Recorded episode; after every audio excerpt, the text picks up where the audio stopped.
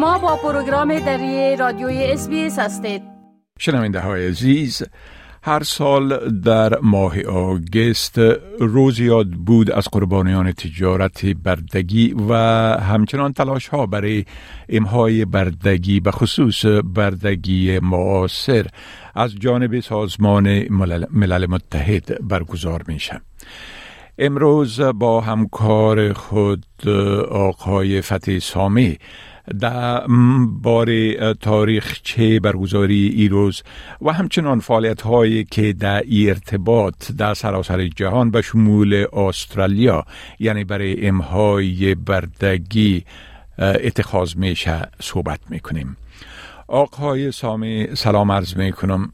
خب اولتر از همه اگر لطفا درباره تاریخچه و پس منظر و همچنان هدف از برگزاری ایروز در سطح بین المللی معلومات بتین. سلام به شما و شنوندای محترم. روز جهانی یادآوری تجارت برده و الغایش هر سال همونطور که شما گفتین در تاریخ 18 آگوست برگزار میشه. بردهداری و بردگی در جامعه بدوی و انسانهای اولیه که با شکار حیوانات و کشاورزی سر و کار داشتن وجود نداشت.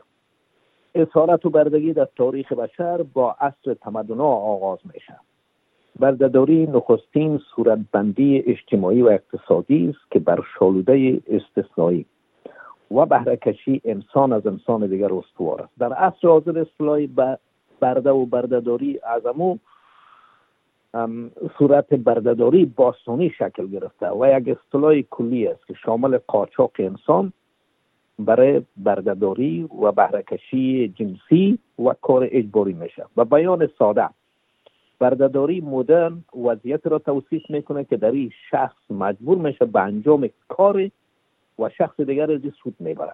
منظور از بزرگداشت از این روز ای است که باید به مردم آگاهی داده شود. و از جانب دیگر بدانند که چی اقدامات از طرف کشور استرالیا و سایر کشورها برای جلوگیری و لغو بردارداری صورت می‌گیرد. اول آگاهی بخشیدن و ارزیابی فعالیت های حکومات و نهادهای مبارزه به ظل بردگی برای اینکه ریشه کن شود و چی اقداماتی باید در هنوز هم روی دست گرفته شود. در قانون مبارزه به ضد بردگی عمدتا موضوعات قاچاق انسانی بر استفاده جنسی جنسی برای مردم معلومات داده میشه راجع به قاچاق کودکان قاچاق انسانی بر کارهای شاکه و خدمات داخلی یا مزد کم در نهادها که غیر منصفانه باشه و در اینجا قوانین تره میشه و همچنان اگر این شواهد دیده میشه باید به پلیس استرالیا و پلیس فدرال استرالیا البته اطلاع داده شود تا جلو آن را بگیرد. بله.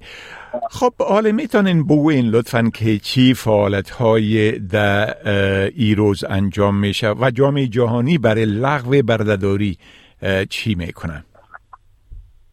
به تاریخ 2010 پارلمان انگلیس یک قانون ضد بردگی را که مصادف به 18 آگاست باشه. به اتفاق کارا در از مجلس قانونگذاری عوام و سنا تصویب به تصویب رساندن و این روز به منظور سطح آگاهی مردم همونطور که پیشتر گفتم برای انهای اشکال مختلف بردگی و شمول قاچاق انسانی و استثمار و بهرهکشی انجام شد. و این حقیقت که میلیون ها انسان هم از مرد و زن اطفال در آسیب بردگی دست به گریبان هستند از ابتدایی ترین نیازمندی های انسانی حیثیت و آبرو و عزت و آزادی محروم ساخته شدند و آگاهی بخشیدن جوانان از طریق گردمایی ها کانفرانس ها سخنرانی ها میز های گرد پخش ها در مورد عواقب تاریخی و اصلی برده برداری در چارچوب تاریخ اصطلاح بردگی برشان معلومات داده میشه و به خصوص که این شامل ازدواج های اجباری و بهرهکشی است کار در حالی که البته این یگانه راه است که می‌تونن سوی استفاده از افراد محروم توسط اشخاص ظالم بگیرن. بله. خب آقای سامی در استرالیا هم اقدامات در ایرا اتخاذ میشه و فعالیت های میشه می‌تونین بگوین که برای جلوگیری و لغو بردهداری در حال حاضر در این کشور چگونه فعالیت های میشه و واضح است که قوانینی وجود داره که با کسایی که در بردهداری درگیر هستند معامله می‌کنن. بله؟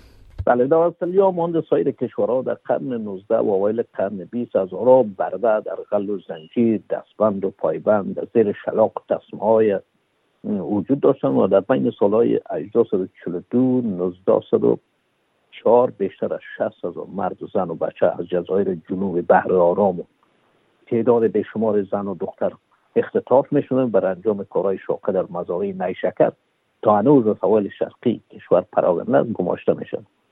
و اینها البته بسیاری از معرخین هم ایره نتونستن درست به صورت درست نکاس بتنن بعد از 150 سال از سرت مردم آسلیا از این دوره بربریت و بیرحم تاریخ کشور خود آگاهی ندارن.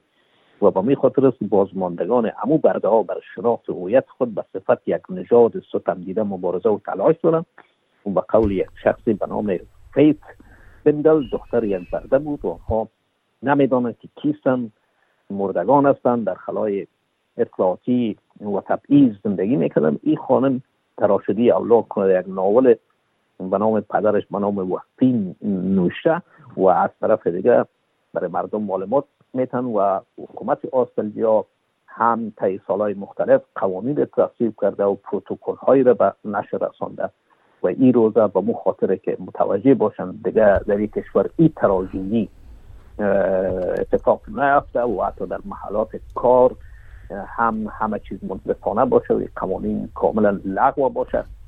فعالیت های بسیار گسترده را در سطوح مختلف انجام میده بله. خب طبعا ما می‌دانیم که در قرن حاضر یعنی قرن 21 هم بردهداری وجود داره. می‌تونین بگوین که به اساس آماری که در دست است چی تعداد برده ها در جهان وجود داره؟ خدمت عرض شده که شاخص های سال 2016 که سومین تحقیق در این مورد می باشه شماره بردگان نظر به سال 2014 در حدود 28 درصد خلاف توقع وضعی که کم شد افزایش به عمل آمده در جهان تعداد بردگان 50 میلیون نفر تخمین شده. از جمله 18 میلیون در هند است. کشورهای آسیایی بیشترین شماره دارند مخصوصا کشورهای اسلامی که برده های معاصر یاد میشن. پس از هند پاکستان چین بنگلادش ازبکستان افغانستان قرار دارند که این کشورها 60 درصد کل بردگان جهان می‌سازند. بله خب بسیار تشکر آقای سامی از این معلوماتتان و فعلا شما را به خدا می سپارم و روز خوش برتان آرزو می کنم تشکر همچنان با شما. خدا حافظ. بپسندید شریک سازید و نظر دهید. اسپیس دری را در فیسبوک تعقیب کنید.